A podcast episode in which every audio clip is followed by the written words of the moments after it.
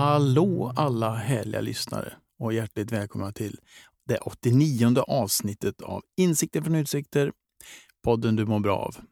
Är det nya lyssnare med oss så heter jag Malte Hallqvist. Jag är komiker och föreläsare och har den här podden som gästas av olika människor som jag är väldigt nyfiken på. I det här avsnittet så gästar Niklas Källner, en kille som jag har beundrat under väldigt, väldigt många år. Jag tycker att hans sätt att intervjua vittnar om en, en varm och innerlig människa. Jag träffade honom på Scalateatern i Stockholm. Och om han nu är den här varma och innerliga människan, ja det får ni avgöra själv när jag nu släpper lös avsnitt 89 av Insikter från utsikter med Niklas Källner. Niklas Källner växte upp i Växjö och kom ganska tidigt på att han ville hålla på med journalistik. Relativt snabbt hamnade han på Sveriges Television i olika kulturprogram och i olika roller i själva produktionen. Som reporter på stan i Skavlan blev Niklas folkkär med sitt varma och inbjudande sätt att intervjua. Nu har han skrivit tre böcker och dyker upp som programledare i olika sammanhang. Bland annat i serien Arvinge Okänd med sin vän och kollega Kattis Ahlström. Hur får man för sig att bränna Uppsala? Hade han på känn att Skavlan skulle bli så stort? Och hur kommer det sig att det växer ut knätofsar när han berättar att han är kristen? Detta och mycket mer kommer här. Men först, när startar ett avsnitt egentligen?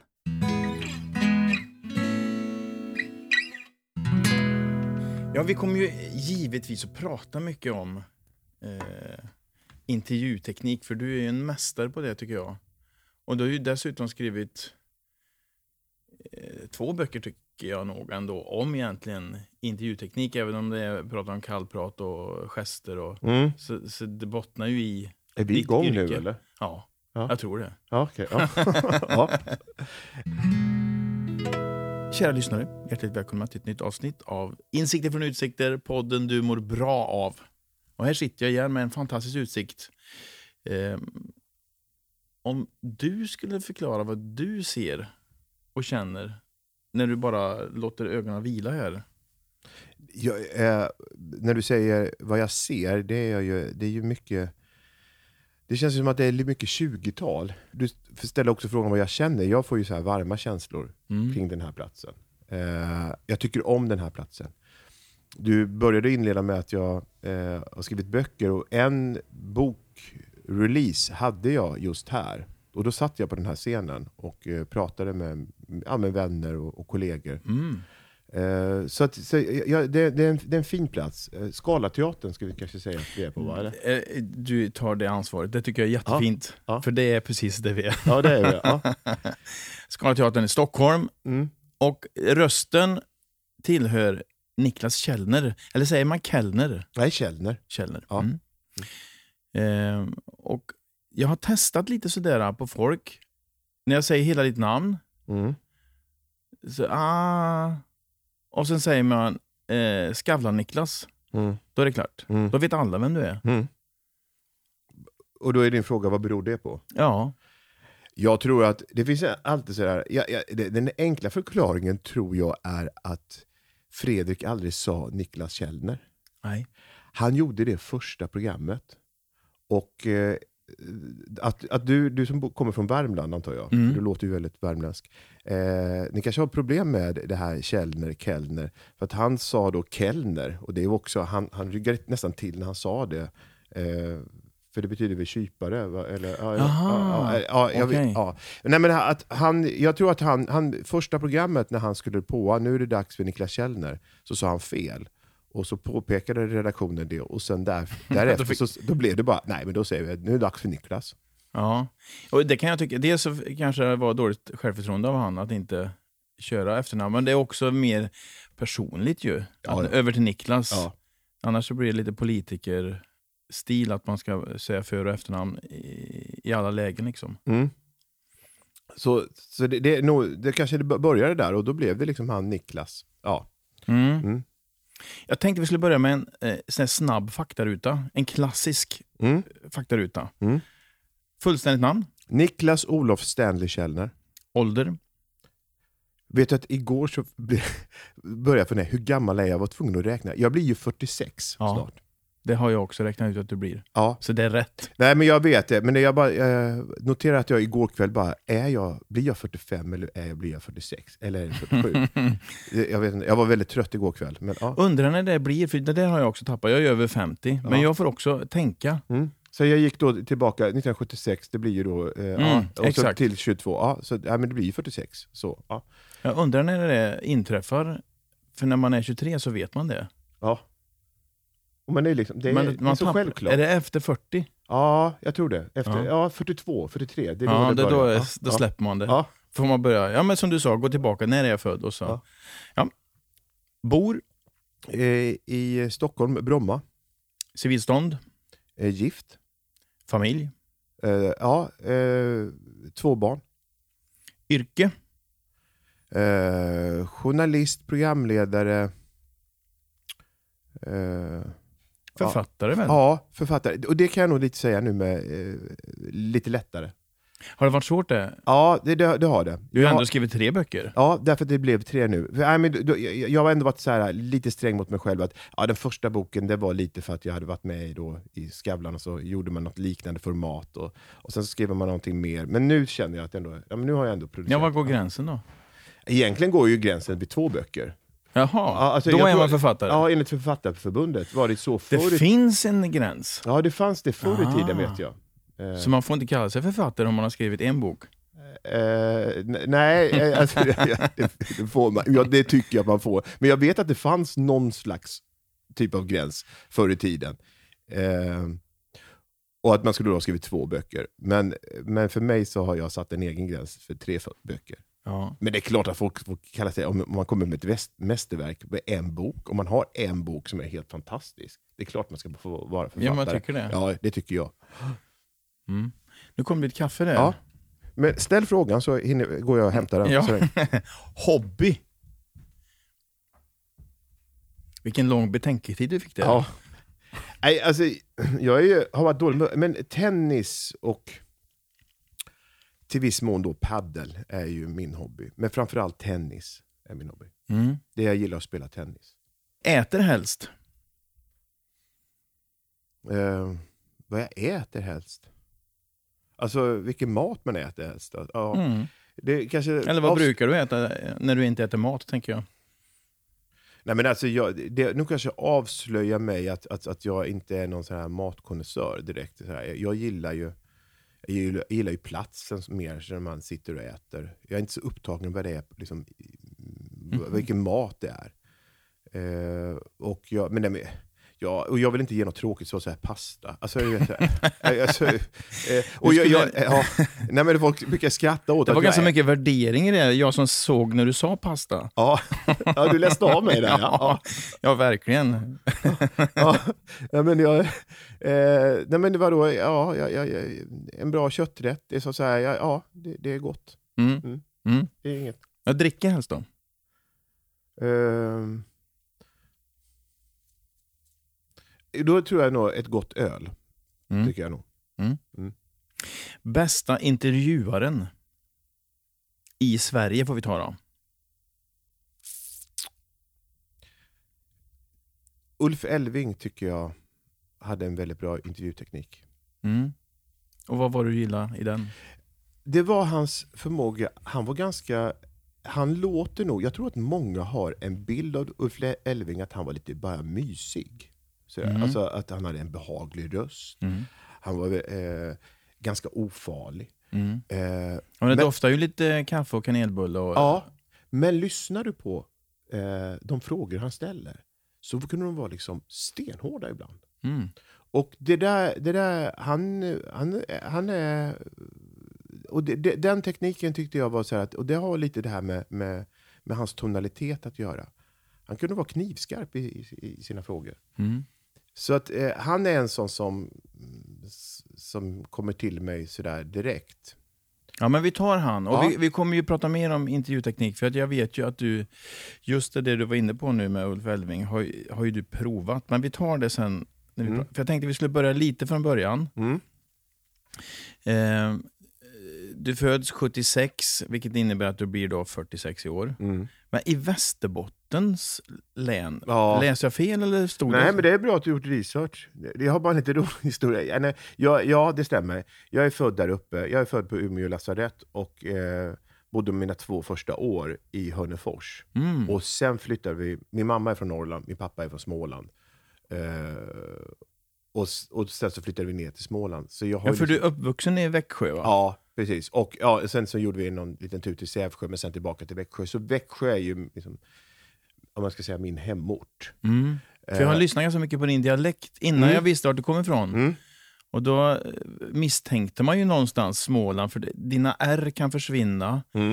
eh, när du säger start och fart och såna grejer. Snyggt. Ja. Mycket snyggt. Och då förstod jag att men det är någon, någon smålänning kan det vara. Ja, I Kalmar, Ja, eller, ja, ja, eller. Växjö. Eller, Ja. är väldigt uppmärksamt av dig. Mm. Ja, för du har ju jobbat bort ganska mycket av din dialekt. ja precis. Eh, jag vet inte om vi kommer att prata om min, min senaste bok, men där, där tar jag ju upp den, det att jag har försökt jobba bort min Ja, precis. Ja, men vi kan, vi Nej, vi, kommer vi, nog vi, vi, om kan, vi kan ti- tisa för det då, kan vi Mm. säga. Just det. Nej, men jag, jag, när, du, när du började komma in på det här med Västerbotten så bara tyckte jag det var så roligt för att jag intervjuade Ingvar Carlsson vid något tillfälle. Eh, och då eh, så började han prata om, helt plötsligt, och det, det var så här att jag hade ett, eh, en punkt, en, en webbserie som heter Niklas kör, där Just jag det. körde hem gäster och då skulle jag köra hem eh, Ingvar Carlsson till Tyresö och så sätter vi oss där och så börjar jag köra iväg då och ska börja intervjun. Så börjar han ställa frågor till mig och, så, och sen börjar han börjar prata om bröderna Nordahl. Och jag bara känner så här, vad är det här? Varför, varför sitter han och pratar om bröderna Nordahl? Och han är inne på det här jättemycket och sen så märker han att jag inte riktigt hänger med. Eh, och då visade det sig att han hade, varje gång han blev intervjuad av någon så gjorde han själv research på den som skulle intervjua honom. Och då hade han då sett på Wikipedia att jag kom från Hörnefors och Bröderna Nordahl spelade fotboll där uppe. Och så, så ville han då, han ville ha ett sånt där sätt. Och du bodde där två år. Ja, precis. Ja. Men det var ju väldigt snyggt av han. ja, jag tycker det. Eh, Och förbereda sig för att liksom Ja. kallprata lite. Mm. Mm. Ja, eh, för det jag tänkte på också, när, när du växte upp, jag tror det var antingen i någon intervju eller om det var i en av dina böcker, du skrev att du var en lång yngling med ganska ljus röst. Ja, det stämmer. Ja. Eh, det är någonting som, jag, som kom till mig för att jag i den här senaste boken eh, som heter Ser du inte vad jag säger så har jag ju delat in det i fyra delar. Bland annat rösten, mimiken, gesterna och kläder. Och så skriver jag om rösten ut- utifrån olika aspekter. Mm. Och så, eh, så kommer man in på det här vad en mörk röst kan göra och vilken effekt det kan få ha. Alltså liksom bara att du sänker ditt röstläge och allting. Och så, eh, så pratade jag med min redaktör så berättade jag någonting för honom att så här, men jag, jag, när jag, jag hade problem att komma in i målbrottet. Eh, eller det kom inte in i målbrottet. Det var som att jag växte för snabbt. Mm. Eh, och jag liksom låg här uppe hela tiden. Vart det sådär skämmigt? Ja, det var det till en början. Eller från början var det ju som så här att jag va- varför, varför, varför blir det här? Varför händer inte det mig? Alltså varför kommer inte jag ner i målbrottet? Men så hittade jag något läge, men det var med som en rolig grej, så här, att jag kunde gå ner i något sånt där mörkt som lät väldigt...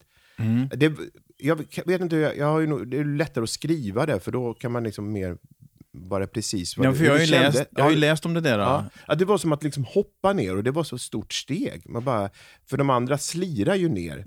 Och liksom, det låter så här lite, lite voice crack. Men jag Ja. hade inte det. Eh, och sen så när jag går i nionde klass så är det en, då spelar någon teaterföreställning eller någonting, så är det en man som kommer fram till mig och, som är logoped och säger du har problem med din röst. Ja. eh, och då erbjöd han sig mig att jag skulle få kunna gå hos honom att hitta mitt röstläge. Och då under den sommaren, eh, mellan nian och ettan på gymnasiet, så träffade jag honom några gånger. Han hette Gunnar. Och så bad han mig gäspa. Och det där roliga lätet som jag hade hållit på med med mina kompisar, det, det där sa han, det, det, det där är din riktiga röst. Så nu vill, Och du trodde att det bara var påhittat? Ja, liksom, eller på något sätt så här var ett konstigt röstläge som jag kunde göra snarare. Ja, just det.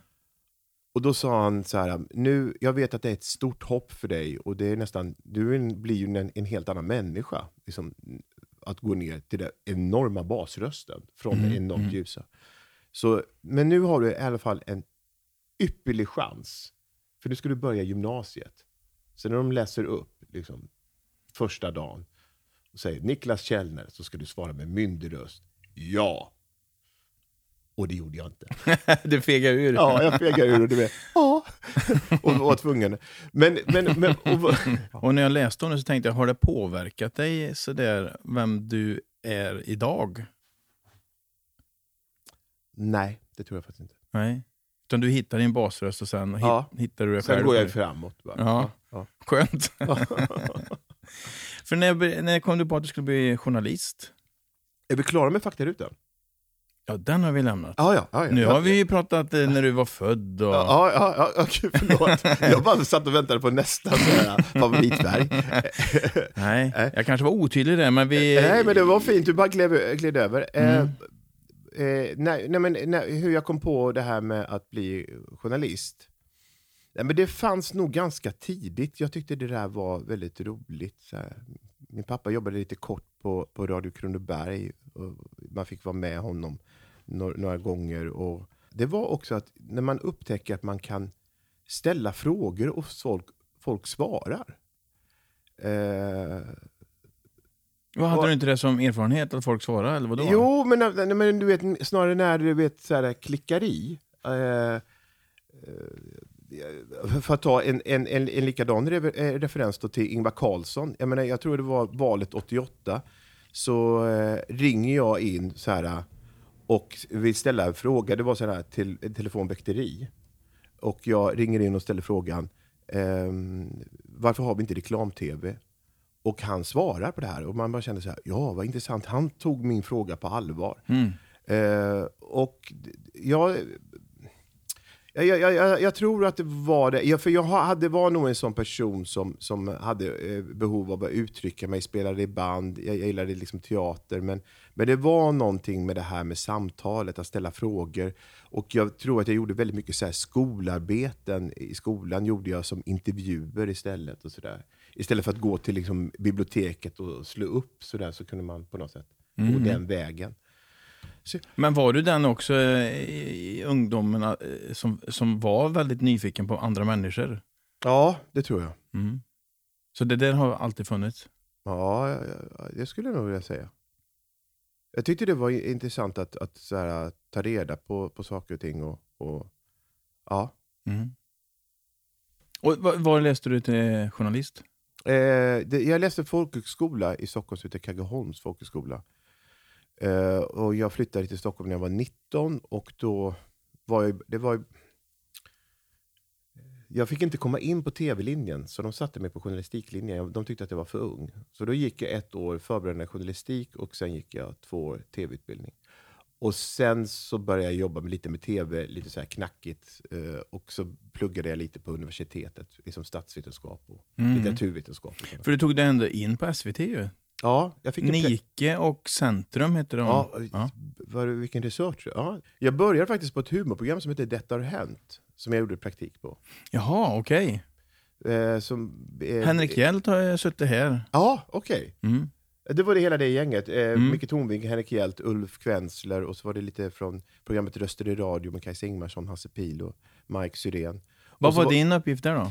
Det var att eh, rodda inför varje sketch. Jag var assistent till eh, inslagsprocenten. Mm. Så när de skrev någon sketch om att ja, det är en man som sitter framför en dator så kommer det ut en, liksom, en boxningshandske ur datorn. Kom klockan fyra på eftermiddagen. Och sen nästa dag så och vi ska vara i den här miljön, då ska Mm. jag rodda där på den miljön och liksom hitta någon dataskärm och liksom, nå- någon boxhandske. Det låter ju väldigt roligt. ändå. Ja, det var väldigt kul. Mm.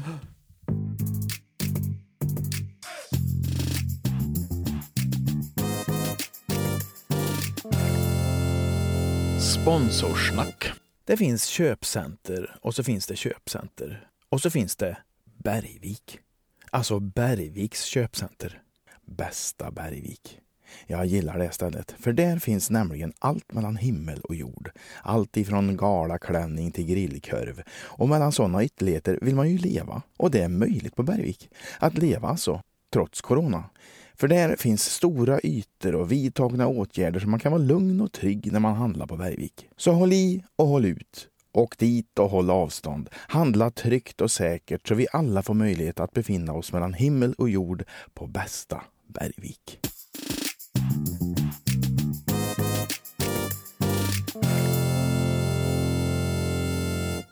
Det blir folkkär, vi var inne på det förut med, med Skavlan. Mm.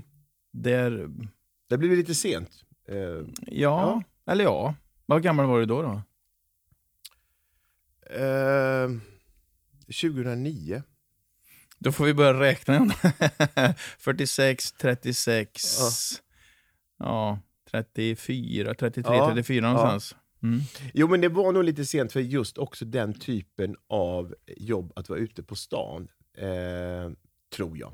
Alltså, det, det tror jag många i branschen... Vad menar du med sent? Att, Nej, att du men- var gammal eller vadå? Nej, nej, vad jag försöker säga är snarare så här att den typen av jobb, alltså så här, gå ut på stan och göra enkäter, alltså, eller, eh, så där, det gör man i början av sin karriär. Ja, ja, du menar så. Ja, och Ja, det- praktikjobb. Ja, exakt. Mm. Eh, och eh, ibland när jag föreläser, och ibland brukar jag prata om det där, att det var någonting som man, eh, man gör ganska snabbt och motvilligt och sen så kommer det en ny praktikant eller någon ny person, som, eh, är någon ny, nyanställd som får det där jobbet och man blir av med det där. Alla avskyr det där Mm. jobbet. Och jag har också gjort den resan. För att det som eh, föregick alltså min, eh, min medverkan i Skavlan var ju att jag hade ju jobbat Dels då efter Nike, jag gjorde lite så här kulturreportage där. Sen började jag jobba på produktionsbolag på Baluba eh, som inslagsproducent. Fortsatte att göra liksom inslag. Eh, och sen så blev jag producent eh, för Baluba, eh, olika tv-program. Och sen tog jag faktiskt ett val. Jag kommer till din fråga där om Skavlan sen. Eh, att jag ville vara reporter. Mm. Eh, jag mötte någon person som hade fått ett jätteflott jobb. Eh, som typ någon så här programchef. Och jag gratulerade den personen och sa grattis till det fina jobb. Ja, fast jag hoppat av. Sa hon så här. Jaha, så, va- va- varför då? Liksom. Nej, men det där kan man göra när man blir vuxen, liksom, sa hon. Eller när man blir gammal. Mhm. Att sitta och vara chef. Jag vill producera. Så att hon, Ah. hon hade hoppat ner. Och för mig var det likadant. Jag tror att hon ville bli, vara producent. Men för mig var det också så att jag hade på något sätt hamnat i en bana att jag plötsligt hade varit inslagsproducent. Och sen står jag på liksom plats och har liksom, är producent för en hel tv-produktion. Och det var inte så att jag tyckte att det var tråkigt. Sådär. Det var ju ett jätteroligt jobb. Men jag kände att ja, men mitt jag vill ut mer liksom med mikrofonen. Sådär. Mm. Och då sökte jag mig till Go'kväll. Sådär, för jag kände att jag inte ville göra varken eh, sådär, sitta och göra ett kulturreportage i Kobra. Eller jag ville inte heller göra nyhetsinslag. Så då ville jag göra någonting så här, men producera många liksom, reportageserier och sådär. Och då gjorde jag då, då, sök, då sökte jag mig till Go'kväll och fick där en, en, liksom nästan en liten egen slott var så här, varje torsdag. Men sen så när jag kom till Skavlan var ju mer att jag var, var ute och reste väldigt mycket. Och kände att jag behövde vara i Stockholm. Jag fick mitt andra barn. Eller vi fick vårt andra barn. Och då, då, då sökte jag mig till Skavlan och då, var det det, då, var det, då ingick det i formatet att man skulle gå ut på stan. Så det var därför som jag på något sätt hamnade liksom, där igen. Liksom. Mm. Och då plötsligt får man något slags, ja, något slags, något slags genombrott, eller man kan säga. Ja, men det var, ja, ja. Och, men det verkar ju på dig som inte du hade det i siktet riktigt, utan du ville bara ut och göra reportage. Ja, det var det först. Ja, liksom. Och det var... eh, Men det, och- förlåt att jag avbryter dig, men du sökte dig till Skavlan. Det var in, alltså, hur var det, eh, de sökte en reporter? Ja, eh, jag till och med trodde, visste inte ens att de sökte en reporter. Det var snarare så här att jag kände att i det uppdraget jag hade åt Go'kväll som handlade lite också att jag fick göra lite vad jag ville, alltså reportageserie, men det skulle vara ute i landet. Jag skulle vara ute och resa mycket. Och jag kände att jag hade behov av att vara hemma i Stockholm. Och sen får jag veta att Fredrik Skavlan, för han hade, jag hade sett hans program och var lite ett fan av hans program. Men visste inte att eh, det fanns en reporter eh, i Norge. Han, han körde ju i Norge först, de hette Först och sist. Och då var det ju en, en kvinna som hette Marit Åslein som var reporter där. Som, var, hade- som var Niklas, så att säga. Ja, Mm. och henne hade jag inte sett i hans program. Eh, jag hade missat, missat henne. Så eh, jag var nog mer så här, nej men jag behöver bara ett jobb. Alltså så här, i några månader nu. Liksom så här, det är så att, det är bara enkelt, bara, jag, alltså, jag kan liksom eh, ta, ta fram grejer i arkivet och sånt. Mm. Och då var det min gamla chef som skulle eh, vara projektledare för eh, Skavlan, för det var ju bara en pilotsäsong första eh, säsongen, Skavlan i Ja, Sverige. ja, okej. Det var ja. åtta program som skulle göras. Mm. Det blev lite fler. Det blev ju det till sen. Mm. Och, då, eh, och då sa han så här, ja, och så kan du gå ut och spörra folk på stan. Alltså sådär, Mm. jaha, ska man göra det också? Alltså då var det lite Och då så. kände du att det, det är praktikantjobb ju. Ja, ja, det- ja, Ja. lite Vem så. tar du mig ja, för? Ja, ja, nej, ja, nej, men då var det mer så här, ja, det får man väl göra, det är ju det där lite jobbiga. Men då började man också, så märkte jag ju det, och det var lite kul då, faktiskt, att, jag, att, att man kunde vända, att det, var, att det var lite mer än bara gå ut och göra, eh, inom citationstecken då, enkäter, utan att man kunde liksom prova sig fram, göra olika grepp. Ja, för nu kommer vi in på lite Ulf Elving igen ju. Du, för Ja. du ställde ju ganska i sammanhanget väldigt konstiga frågor. Ja. Eh, till exempel om otrohet. Mm. Och folk svarar ju. Ja. Men där gjorde du lite grann, dels så har du ju en vänlig ton från början. Men så började du jobba med ögonkontakt, att inte kanske ta ögonkontakt alltid. Mm. För att avlasta den Ja. som blir intervjuad. Nej, men för, för att knyta ihop det här lite, alltså det du, du pratade om, eh, så var det ju så här eh, att under den här tiden i Skavlan, under de här åren, jag var väl där framförallt mellan 2009 till 2015, eh, nästan på heltid. Eh, jag gjorde annat också i och för sig, men, men, men framförallt var det då under den perioden. Så var det en period där jag kunde liksom testa olika saker. Alltså, Mm. här, och våga bryta mot det som man ibland hade fått lära sig. Eh, och det var mycket, många olika saker som klickade i. Så här, Jaha, är det så här det funkar?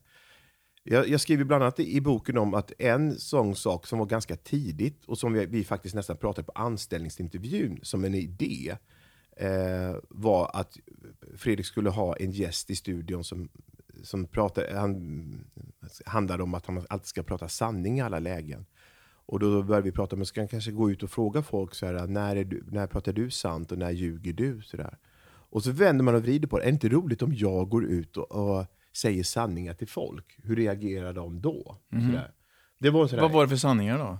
det kunde vara sanningen så här, den där kepsen är inte så fin som du har på dig. Eller vad är det där för modern jacka? Alltså lite så här, Ja. eh, vad- hur ser det ut i håret? Alltså det som man ändå såg. Det Här- känns som det är lite mot din person. Ja, men vi tyckte det var en rolig idé. Jag vet att jag tyckte att det var extremt jobbigt. Ja, För det eh, skulle jag tro. Eh, och då, där kan man ju ibland slåss för liksom så här, någon slags inre konflikt. Så här, det här är en rolig idé och hur ska man... Det här vill jag ju inte göra. så då började, vi, då började jag så här, vi, det är så där löjligt att jag började prata med min fotograf så här, vi ska åka till Uppsala. Till Uppsala, varför då? Så här, ja, men jag tänker att jag, jag kan bränna Uppsala. Och så behöver inte jag besöka Uppsala mer. Vi åker dit, för, förolämpar folk och sen så åker vi hem igen. Mm. Och jag kommer ihåg att vi gjorde det där då. Vi åkte in där i Uppsala, vi stannade bilen, vi gick ut, jag provade de här och försöka vara totalt ärlig. Och folk blev ju, ja men de blev ju ledsna och tyckte så här, vad, vad har du för rätt att säga det där? Liksom. Men så kommer jag ihåg då att, att efter en timme så, så sätter sig jag och min fotograf och pratar om det här och då, då säger han så här, du låter lite arg när du gör det. Ja men hur kul tror du att det är att säga det här? Liksom. Mm. Men kan du inte bara prova att bara vara, vara glad? Tänk att du säger någonting annat. Använd liksom så här, prova och, och, och eh, gestikulera mer. Liksom ha ett, leende. Och, och, så och så gjorde jag det. Liksom. Och då var det som att folk tog det helt annorlunda. Så här. Mhm. Jaha, har du precis gått upp på morgonen? Säger jag till några av de här. Vadå då? Ja, ni ser lite risiga ut i håret. Så här, ja, vi har varit på gym. Och så, så, då, tar de, då tog de det med liksom, gott jämnmod. Liksom. Ja. Ja, och, och i det där pr- pratar du om i, eh, i din bok, den Ja. senaste. Nej, men och då är det lite sådär att det, det, och det är lite så här, som kanske då sammanfattar vad min bok handlar om, att, att väldigt mycket vi, vi liksom läser bakom orden. Mm. Alltså hur saker, folk säger saker och ting, eller hur man... Alltså vi har bara några sekunder att göra någon slags intryck liksom, Mm. på folk. Och det är det de känner av. Så här, är det här en varm eller en kall människa? Alltså, sånt där har jag hållit på med. Att, att stå bredvid någon, det var också någonting som jag bara testade mig fram. Vad menar du med det då? Stå bredvid någon och... Alltså att, att jag ställer mig, istället för att stå mitt framför någon, när jag intervjuar, Ja, så börjar jag ställa mig Mm. bredvid, alltså kanske inte titta dem helt i ögonen. Eh, jag tänker på, liksom på de småländska bönderna i, från, från Småland, är uppvuxen, som alltid stod och blickade ut över åkrarna när de stod och pratade. Mm. Och jag tyckte det var så här förtro, att de fick något sånt här förtroligt samtal mellan varandra. Ja. Och det där försökte jag överföra till, liksom, till intervjusammanhang. Mm. Ja, du ser hur jag har ställt stolarna idag? Ja. Det är otroligt skönt att jag kan vara liksom lite fri. Ja, du kan släppa Ja, mig ja. utan att du känner dig otrevlig. Och, och du märker att jag tittar ofta ut när Ja. jag svarar. Mm. Och det gör ju du också. Ja. Det gjorde du nu. Nu tittar du åt lite åt sidan. Absolut, för det är Och- väldigt skönt. Jag kan ju tycka de bästa samtalen jag haft med mina barn, eh, eller med min fru för den Får jag gissa? Ja, du kommer gissa rätt. I bilen eller? Självklart. Ja. Det är fantastiskt. ja. Man kan... Som förare kan man ju inte titta för mycket i Nej. ögonen på.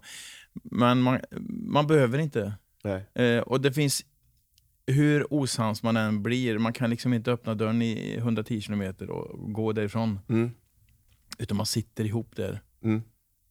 Ja, det blev ju väldigt trendigt där att intervjua i bil. Eh, det började med Jerry Seinfeld och sen så, ja, så började vi i Sverige på olika sätt eh, göra intervju i bil. bil sådär, så det kanske Mm. blev lite, gick inflation i det där att sitta i en bil. Men som intervjuplats så är den helt Mm. oslagbar. Alltså den, Mm. det- den är helt... Ja, och det är samma sak. eh, Nu vet jag inte om du har gått till någon psykolog någon gång, men då sitter man så, ungefär som vi sitter nu. Mm. Lite vinkel mot varandra, men ändå inte mot varandra. Ja. Men nu väljer du oftast att vrida dina axlar mot mig och titta på mig och så. Det är, Mm. det är ett positivt tecken, Ja, tänker jag. Ja, ja.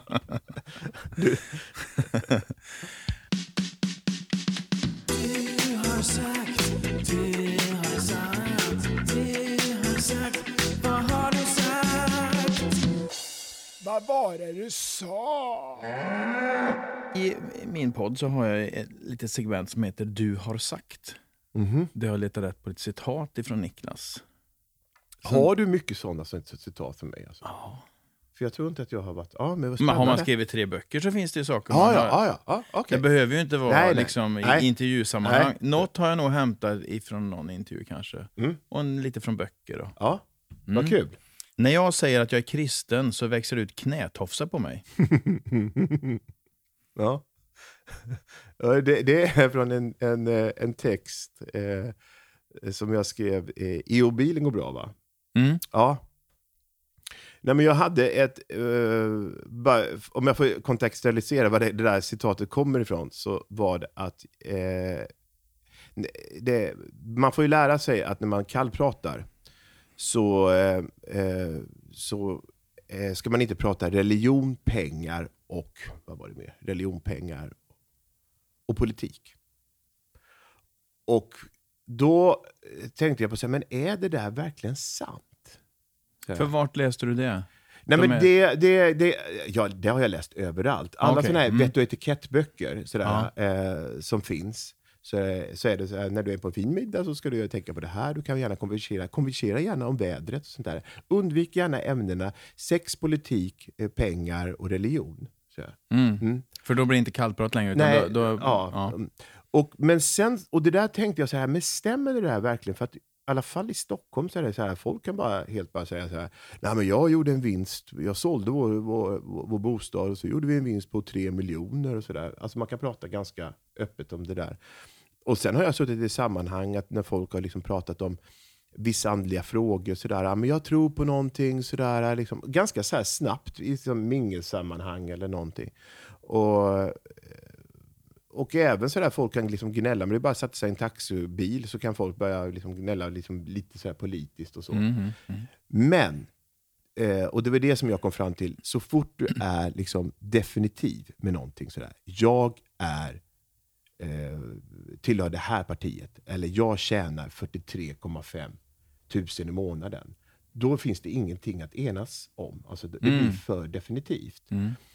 Och då, eh, och då skrev jag om det där att, att om jag säger att man- jag är kristen så, så blir det så definitivt. Och då börjar folk liksom lite så här skruva på sig. Det finns liksom ingenting att så här, jaha, är du det? Liksom. Mm. Sen har du Men- men det- men sen har, ja, förlåt. Ja, jag, förlåt att jag avbryter dig. Jag tänkte mest på det här med knätofsar. Det är något, något, jag antar att du menar något töntigt. Mm. Det är sant. Jag, nu försökte jag långväg kontextualisera varför jag hade skrivit. Jag började tänka på vad var jag hade skri- sagt det där. Mm. Nej men det- är det väl, nej, men det är väl att eh, jag också resonerar om varför det är pinsamt att vara kristen. Skrev jag i, Är du i- kristen? Ja. Mm. Jag växte upp i ett sånt sammanhang. Eh, I ett kyrkligt sammanhang. Mission? Ja, eh, åt det hållet. Örebromissionen hette det. ja. Sen har jag ju inte, jag är inte så aktiv eh, och har gjort upp mycket med, med kyrkan och sådär. Eh, men har min tro kvar. Mm. Vad är det du gjorde upp? Ja, men det är formerna, uttrycken. Det fanns väldigt tvärsäkra svar eh, i, den, i de miljöerna. Mm. Eh, Och vad händer med dig då när det blir tvärsäkra svar? Ja, då, gör jag, då, blir jag, eh, alltså, då blir jag motsträvig. Alltså, eh, eller motsträvig? Eller vad säger Mm. Revolt. Eh, Ja, revolt gjorde jag. Ja. ja. Det gjorde, eh, och, eh, men så, och jag var väldigt så här, ifrågasättande. Och det tror jag att jag är mot allting. Alltså sådär. När folk kommer med väldigt tvärsäkra svar så väljer jag oftast en annan position. och sådär. Liksom, jag gillar ju liksom att, att hitta nyanserna. Mm. Och, och så var eh, nog min, har min resa varit det där. Och sen har jag inte riktigt så här känt mig hemma eh, liksom på något sätt. Men, men, som, men, men tron har liksom ändå, ändå funnits kvar, tror jag, genom alla år. Liksom ja, vad är det för tro vi pratar om? Det tycker, jag är, det tycker jag faktiskt att jag, tycker jag är svårt att definiera. Jag brukar liksom inte prata om det på det sättet.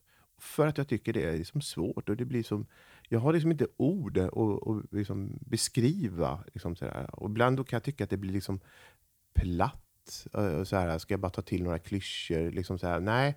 Så det där, där är jag nog lite privat kring det. Liksom. Alltså hur Mm. jag ska beskriva det liksom, på det sättet. Jag tycker det är svårt att formulera. Mm.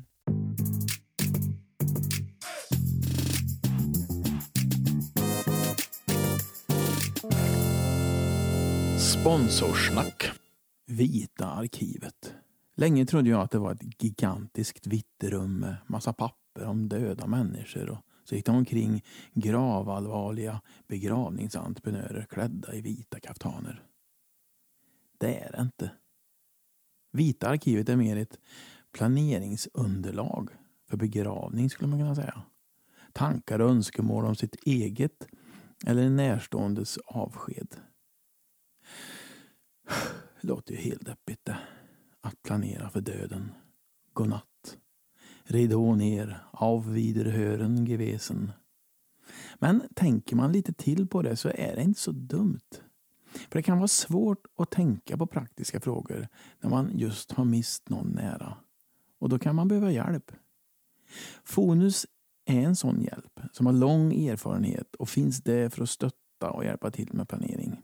Att fylla i det vita arkivet. Det vita arkivet kan du faktiskt hämta på ditt lokala Fonuskontor eller så fyller du i det digitalt direkt på fonus.se. Fonus begravningsrådgivare lägger stor vikt vid att hylla det liv som levts. Och jag har lite koll på dem, så jag vet att de vill göra allt för att de anhöriga ska få ett personligt avsked och ett vackert minne. De finns lokalt i hela landet och begravningsrådgivarna är personer från trakten och har kontakt med lokala samarbetspartner så de kan hjälpa till med allt ifrån blommor och musik till mat och lokal vid minnesstunden. Tänk om det är så att man kan få ut mer av livet om man planerat döden. Det blir som en slags bonus hos Fonus.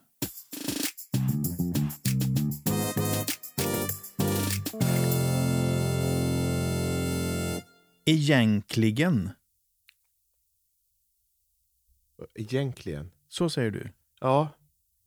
Jag, det blev, när du säger, sa så, så blev jag liksom bara så här, vadå egentligen? Oh, ja.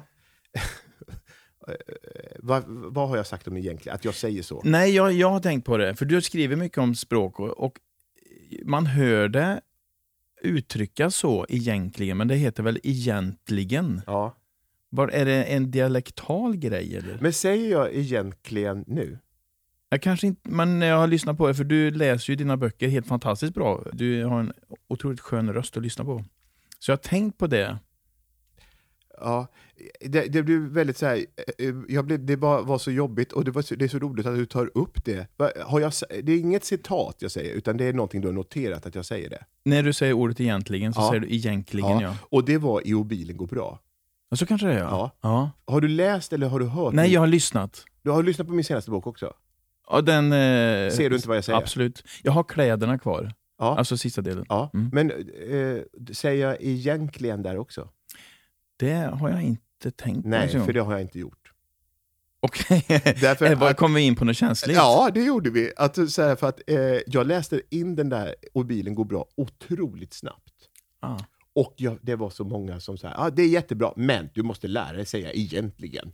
Eh, Och jag fick så mycket Åh, eh, jag kom åt något här. Det Ja, var du- inte... ja. ah. Och när jag då sen ska läsa in min senaste bok så sa jag så här, jag vill ha en sträng eh, tekniker och Mm. producent som bara verkligen ser till att jag inte säger egentligen. Liksom. Mm. Så att, eh, det, det, det har varit något som har varit i mitt medvetande eh, under de senaste månaderna. Så jag bara tyckte det var så intressant att du eh, kom in där. Liksom. Ja. Ja, för jag tänkte på det eftersom du är så intresserad av språk Mm. eh, och hur man pratar. och Mm.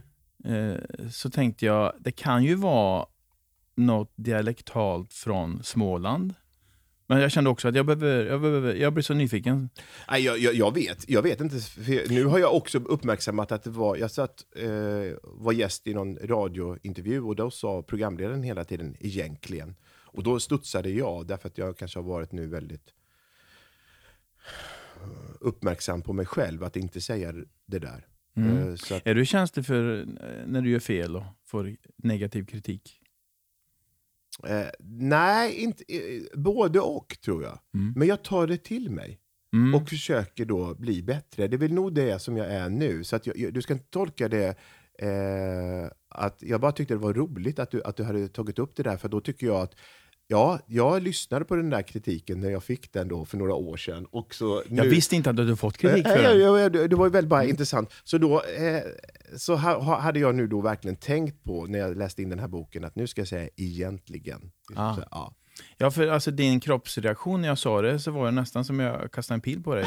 och jag kände att oj, det här kanske blir jättejobbigt. Nej, det var verkligen inte alls. Utan du börjar snarare så här, men det där har jag ju väl, har inte jag liksom lyckats nu med min senaste bok? Det var mer så. Okej, ja. det har du. Ja, tack. Ja. Jag tycker du läser jätte... Det är behagligt verkligen. Tack så mycket. Mm. Eh, vi tar nästa. Ja. Rösten är det nya svarta. Ja, men det är väl bara att vi... Det är väl lite, lite som jag eh, resonerar, lite som egentligen vi har varit inne på det här med mail och eh, att vi får inte glömma det där och att vi nu sitter vi, du gör en podd. Jag menar, folk lyssnar ju. Folk har ju, det hade man ju aldrig trott för några år sedan, att liksom radio Nej. skulle bli, få ett uppsving. Mm. Det, var ju, det var ju som nästan en sanning, jag som har jobbat i mediebranschen ja, sedan 95. Liksom så här, det, det var ju bara en utveckling till bilder, bilder, bilder, bilder. Liksom Sveriges Radio hade dåligt självförtroende och började ett tag så här, ska vi också göra lite webbklipp och sånt? Som de gör i och för sig. Men att, att folk har någonting i örat hela tiden och lyssnar. Och liksom ljudböcker har liksom fått ett uppsving de senaste åren. Sista. Mm. Ju mer lik en människa en robot är, desto mindre blir vår sympati med den roboten. Ja. Det är ju en teori eh, som jag skriver om i min bok som heter The Uncanny Valley. Som jag tror det är en japansk forskare som heter... Ja, nu vågar inte jag citera vilket namn det är. Men det, han menade någonstans att om du har en industrirobot, ja, den har du inte speciellt sympati. Du tycker varken eller om den där industriroboten. Så, så kanske du köper ett så här, eh, vad heter det, R2, R2D2 Eh, alltså den här roboten för Star Wars. Den kan jag tycka Mm. är liksom så här gullig. Men ju mer lik en robot blir, så är det som att vi, det får en motsatt effekt. För då börjar vi att börja titta att det är väldigt människolik och sen så dessutom så är det någonting som avviker. Man kan ju se det på vissa animerade filmer. Till exempel Tintin-filmen kommer jag ihåg, eller Polarexpressen som är väldigt så här motion capture. Man har gjort det liksom, satt liksom punkter på folk, alltså på riktiga människor och sen så har man då animerat över det där. Men sen är det någonting i ögonen som inte lever riktigt. Och då börjar vi tycka det är obehagligt. Och varför jag tar upp det i min bok är att hur mycket vi läser av andra människor. Och när det är någonting som avviker så, så blir vi lite osäkra. Liksom så här. Eh, och det är det som är, ja, det är ett exempel på det där. Liksom, att på något sätt hur, my, hur, hur mycket vi läser av eh, mimik och, röstläge och liksom tonalitet och allting sådär. Vi är så vaksamma kring det där. Och när man har då en robot som ser nästan ut precis som en människa så finns det ju någonting som skorrar falskt. Och det där tycker vi är någonting konstigt. Vi liksom Mm. nästan programmerar det till att liksom titta efter det där. Jag tittar ju väldigt noggrant på vad du har för min nu. Liksom, Ja. ja alltså, Vad det- har jag för min? Ja, men du hade nu en, en förundrande min, tror Ja. jag. Men, men, att, men det är så man, vi läser av andra människor. Så här, hur, ska jag, Mm. hur tar den här människan emot det där? Mm. Eh, så det, det, var ett, det var därför jag tog upp det där i, i min bok. Mm. Och jag kan nog hålla med om det. Mm. Alla har ju eh, gräsklipparrobotar nu. De är ju inte alls lik människor. Och de blir ju nästan som en familjemedlem. De får Mm. namn och, Ja, just det. Ja, precis. och, och man ja. gullar lite med dem och Ja. går ut och när det regnar. Och, Ja. mm. Mina damer och herrar, det har äntligen blivit dags, inte bara för mitt och Maltes favoritmoment här i programmet i podcasten, utan jag gissar för er allas. Det har blivit dags för Tombolan! I här ligger det existentiella frågor. Ja. Så att blanda på lite och veva runt. Och så... Och så ska jag ta en fråga här och så läsa den. Precis. Och se vad jag... Då mår du riktigt bra. Var är du och vad gör du? Ehm, det, det, ja, alltså, jag är faktiskt på eh, tennisplan faktiskt och, och spelar tennis. Eh, jag skulle kunna svara sådär, men, jag menar, när man är med sin familj, då mår jag också väldigt bra. Men var, varför jag väljer bara så här tennisplanen så är det så här för att det är liksom en... Jag är nog väldigt dålig på att stänga av saker och ting. Det händer saker och ting hela tiden i mitt huvud. Liksom så här. Eh, liksom även när, när jag sitter och tittar på en film med familjen eller någonting, så kan jag bara plötsligt få en, liksom ett uppslag så här till spanarna. Jo, men det ska jag göra, eller nu ska jag göra det här. Liksom. Eh, och det, då är det en, en, en stund när jag bara koncentrerar mig på en boll. Eh, Det tycker jag är väldigt skönt och väldigt avkopplande. Eh, så det, det är nog det. Jag kan nog komma på andra ställen också som jag är, Är det, är det bara där det, det blir tyst i huvudet? Tennisplan? Ja, och, eh, bra fråga. Ja, eh, ganska. Ja, det, det tror jag. Mhm. Vad händer om du dricker alkohol? Ja, du menar att det skulle få... Eh, Jag men intervjuade GW Persson en gång som, Ja. som ja, det, det, jag, jag kände igen det. För att, att, att det blir tyst i huvudet, sa han då. Mm. Eh, nej, det, det, det tror jag inte. Sådär. Jag vet inte vad han menar, innebär med att, att det är liksom tyst i huvudet. Så Jag tror att han menar lite grann som du var inne på, att det snurrar i hans huvud också. Det Ja. gör det väl på de flesta människor som håller på med något kreativt, skulle jag tro. För jag känner igen det själv, att det snurrar Ja. alltid. Men jag kan... Film är bra för mig. Ja. Då, då åker jag in i det. Nej, det kan inte jag ibland göra. I vissa filmer. Sådär. Men jag, Om de är tillräckligt bra. Ja. Annars är det tennis. Ja, ja. ja jag tror det. Mm. Ska jag ta en till eller? Gärna.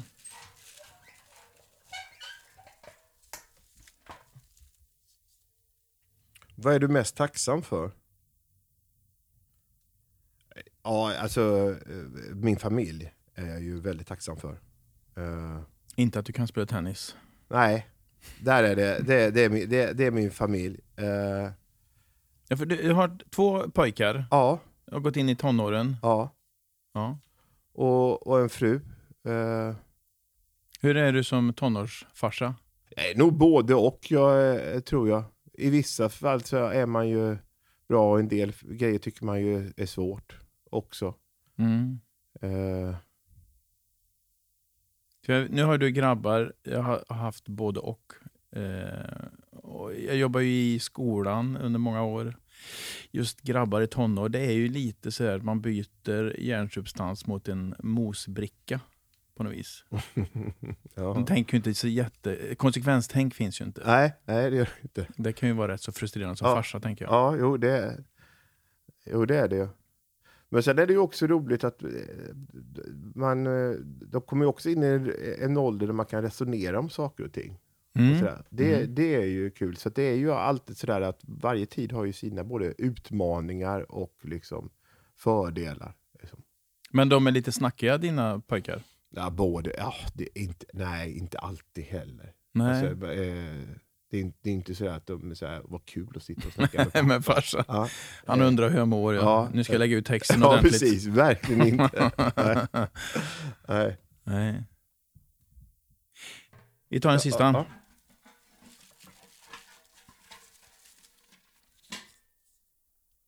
Vad skulle du vilja spendera mer tid på?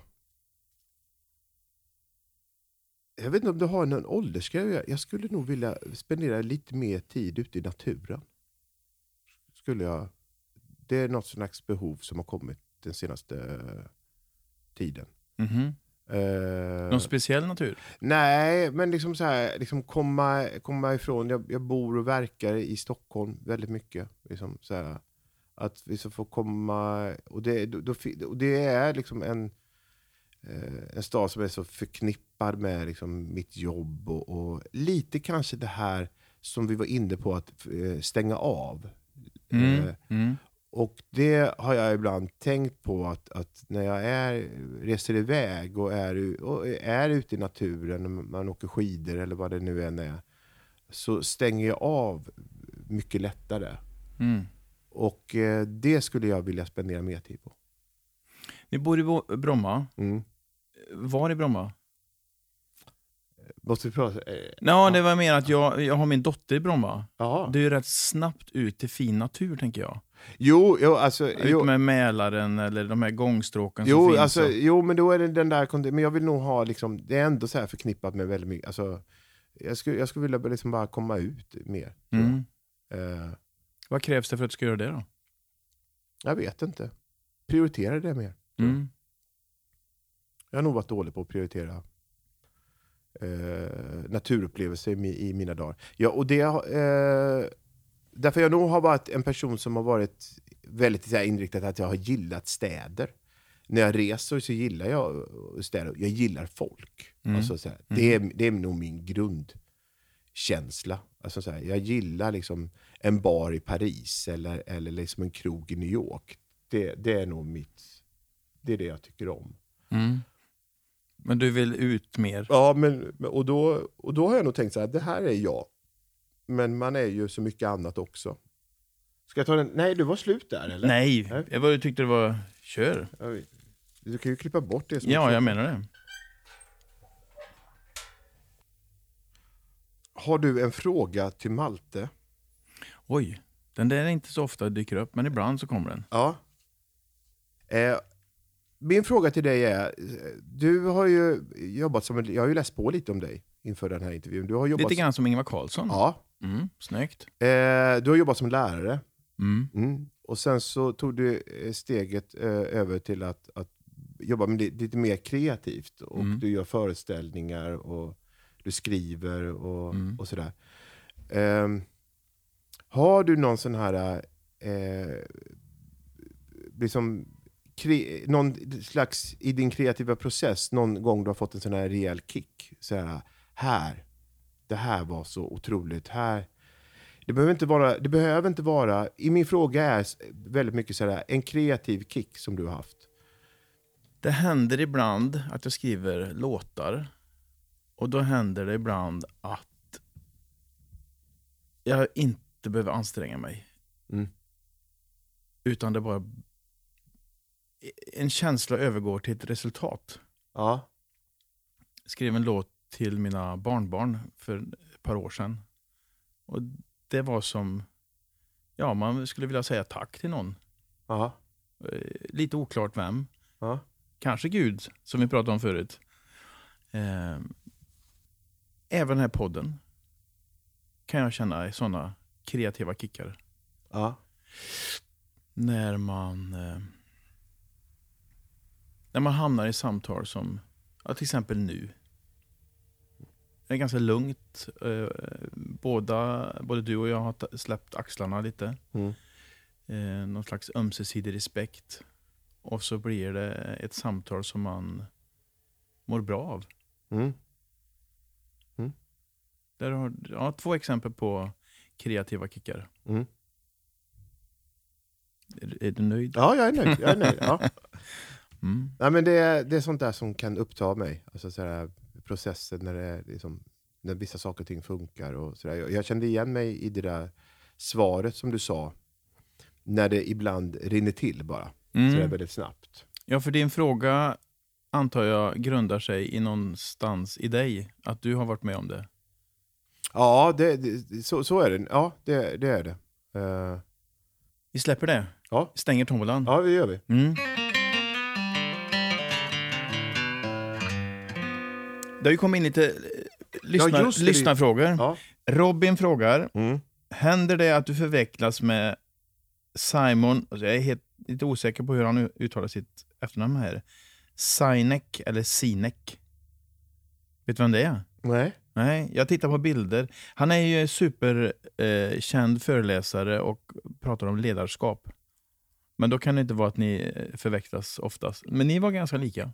Jaha, tycker du också det eller? Ja, när jag såg bilder ja. Ja. ja. Du får ta, skriva ner namnet och Nej, men googla upp eh, sen. någon jag har blivit förväxlad med är ju André Wikström. Den finländska Mhm. komikern. Ja. Det är konstigt för att... eh, Ja, det hade nog inte jag gjort. Nej, men det är en del som har... Solsidan kan jag väl säga till Ja. dem som... Mm. Han som pratar Ja, finländska. eller ja, det, det Ja, har han varit gjort. Två, eh, Mm. kanske, ah, inte så många, men eh, det har ändå varit mer än en gång. Sista lyssnarfrågan. Mm. Har bemötandet från omgivningen ändrats efter din kallpratsbok? Alltså, och bilen går bra. Ja, bra fråga. Nej, det skulle jag nog inte säga så mycket. För att eh, jag tror nog att faktiskt att eh, i och med att jag var, slog igenom att jag var på stan och eh, liksom störde människor och pratade med människor Mm. så har nog folk ändå känt men han kan man prata med. För han, alltså sådär, Mm. eh, tror jag. Eh, och jo, lite tror jag också att folk tycker nog att, men han tycker nog att det, det skadar inte att prata med honom. Alltså nej, ja, jo, jag skulle nog säga ja på det. Men jag skulle säga att, att folk var nog inte rädda att prata med mig innan heller. Eftersom att jag eh, Nej, för... var ute och pratade så mycket själv med folk. Mm. Och jag såg det också lite som att, att, eh, att jag också då ibland eh, känner det att, att eh, de här människorna, alltså att jag får störa andra människor, då är det klart att de får störa mig också. Alltså, Mm. om de har... Alltså, För jag, eh, I vår mejlkonversation fram och tillbaka, Mm. eh, vart vi skulle vara och göra den här intervjun, så skrev du att bara det inte är för mycket människor där. Ja, Och då tänkte jag, det är säkert för att folk, nej men tjenare, ja. och vill prata. Nej, det var, nog, det var nog av den anledningen att jag inte... Eller jag, för att det, så när jag också, när jag vill ibland göra intervjuer så vill jag inte att det är någon annan som står och lyssnar för, så att jag inte blir för självmedveten. Mm. För nu vill jag bara fokusera på dig. Jag vill inte tänka på att liksom, nu sitter någon och liksom, råkar lyssna på oss. Liksom. Alltså, Ja, det. det. var mer av den anledningen tror jag. Okej. Eh, ja. Har du några bra tips för kallprat? Något generellt? Du som ändå har skrivit en bok om det. Jo, jag har ändå tips. Alltså, ett tips är faktiskt att ställa öppna frågor. och att, för misstaget som man ofta gör när man kallpratar, det är att man ställer påståenden till varandra. Mm. Eh, och ganska stängda, allt bra. Alltså man, att, och då menar jag öppna frågor, att få den andra att börja prata. Det är det som är tricket. Hur, var, Ja, v- precis. vad känner du? Mm. Ja. Eh, för att oftast är en situation, allt bra? Ja. Du då? Jo, det är bra. Annars är det mycket nu? Ja. Eh, du då? Jo, det är också mycket. Alltså, det är ingen som vill ta ansvar för situationen. Nej. Och då, då hamnar man lite där och då får man någon slags här panikläge när man möter någon och, eh, och ska, ska liksom kallprata. Men om man ställer någon fråga så den andra kan prata på, då har du liksom tid att tänka och kanske komma på någonting annat eller ta vid det någon säger. Och sådär. Mm. Så det är ett tips som jag har. Mm. För samtidigt så har du någonstans eh, sagt att du slår ett slag för stängda frågor. Ja, det har jag också gjort. Mm. Men det är, eh, det är bra research. Eh, Det var väldigt länge sedan jag sa det, tror jag. Men Mm. det var nog ibland så, så eh, var det, det var bara, eh, det var nog någon slags intervjuknep när jag kände att det fanns det kunde nog vara någon frågeställning som man hade, så här, mm, om man skulle liksom vara nyfiken på folks, liksom, om de var svartsjuka eller någonting. Och man var i ämnen där man vet att människor ibland inte vill erkänna att de har varit svartsjuka. Då kunde jag liksom stänga frågan och så här, i vilka lägen är du svartsjuk? Alltså Mm. förstår du? Alltså, Mm. För att, liksom, att folk ska börja tänka på det än att man ska säga, börja med så här, är du svartsjuk? Då, skulle, då säger de flesta människorna så här, nej jag är inte svartsjuk. Och så, ja. Mm. Det var mer nå- alltså, Det är sånt där som jag ibland, liksom så att mm, Ibland så funkar det med det med stängda frågor och sådär. Men just i kallpratssituationer så tror jag att, att de där öppna frågorna, bara för, av den enkla funktionen att få folk att börja prata en stund. Mm. Att inte hamna i det här läget att man bara kastar en boll mellan varandra väldigt snabbt. Ja, och blir det. bara stressad. Och ingen tar ansvar. Ja, Nej. det... Mm. Mm. Tack för tips. Ja. Avslutningsvis, Mm. hur är det med pungen? Ja, det är bra. Tack. Jag tyckte det var så fantastisk historia eh, och jag tänkte vi kunde ta en liten diskussion om eh, personligt privat. För det, Ja. för var, när går, när, var går gränsen? Ja. Men vi kanske skulle ge lyssnarna en liten... eh, Nej, men det var väl så här att jag skulle på ett möte på Läkarförbundet. De ville att jag skulle göra filmer åt dem. Och då hade jag pl- plötsligt upptäckt att, så att, att jag tyckte att de nya unga läkarna är så duktiga idag. Liksom för att de är, när man de kommer till så här, de tar liksom tid att liksom ta det här med oro på allvar. Att, eh, för när jag var yngre så kunde jag ibland uppleva att man kom in till läkaren så bara ställde de diagnosen liksom, och så, så sa de inte så mycket.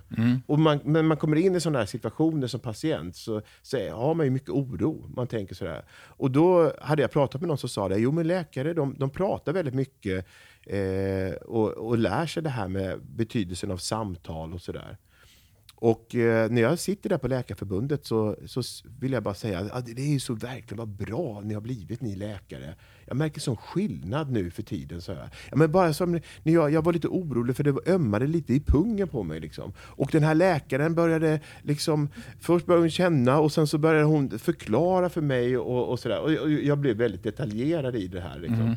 Och så bara märker jag liksom att det blir det bara dör. Liksom så här. Jag de blir obekväma och min kollega som sitter där och bara, ja, du vi kanske, vad är det ni har tänkt för film? ja, när man blir lite för direkt. Ja. Mm. Eh, det var ju bara ett sätt att kallprata, men där, där blev jag ju lite för, ja. Och det, det är väl lite att kallprata, ja, det var väl ett exempel på när man går in, det, eh, man hoppar över steget kallprat. Ja, och, och så finns det ju eh, en gräns mellan personligt och privat. Ja. Jag hade Kalle Schulman sittande i den stolen du sitter ja, nästan en vecka sedan. Mm. Eh, och vi pratade om det där och han frågade mig, om, för han visste inte riktigt det var så svårt att veta vad, vad är privat och vad är personligt. Mm. Och jag gjorde väl något slags försök att svara, men jag var inte så bra på det. Var det Ha- hans fråga till dig förresten? Nej. Vi kom bara in på det. Mm. när man blir privat och när man blir personlig. Ja. Eh, och vart gränsen går. För han kände att han var inte så bra på det. Och veta vart. Mm. Eh, har du någon bra? Nej, men jag tror nog, jag är nog faktiskt, skulle jag vilja säga, lite privat. Du har ju berört nå två ämnen som jag är lite privat kring, liksom det här med tro till exempel, och kanske också när det gäller, eh, gäller min familj och mina barn och sådär. Eh, jag tycker det är svårt att, att eh, prata, vad har jag för rätt att prata om dem? Alltså, Mm. och sådär. Mm. Eh, så i, i där, för mig så går nog gränsen där. Och liksom att jag, när det gäller kanske min, min tro och sådär så, så tycker jag det är svårt, ja, men som jag var inne på, att ja, men vad är det? Kan jag formulera det här på ett bra sätt? Jag vet inte. Ah, jag tycker det är liksom privat och det, det är svårt. Mm. Eh, Medan då till exempel, för mig så var inte den här punghistorien så privat. Men det är det ju kanske för andra. Så det är nog lite olika tror jag. Ja, jag tror det. Ja. Mm.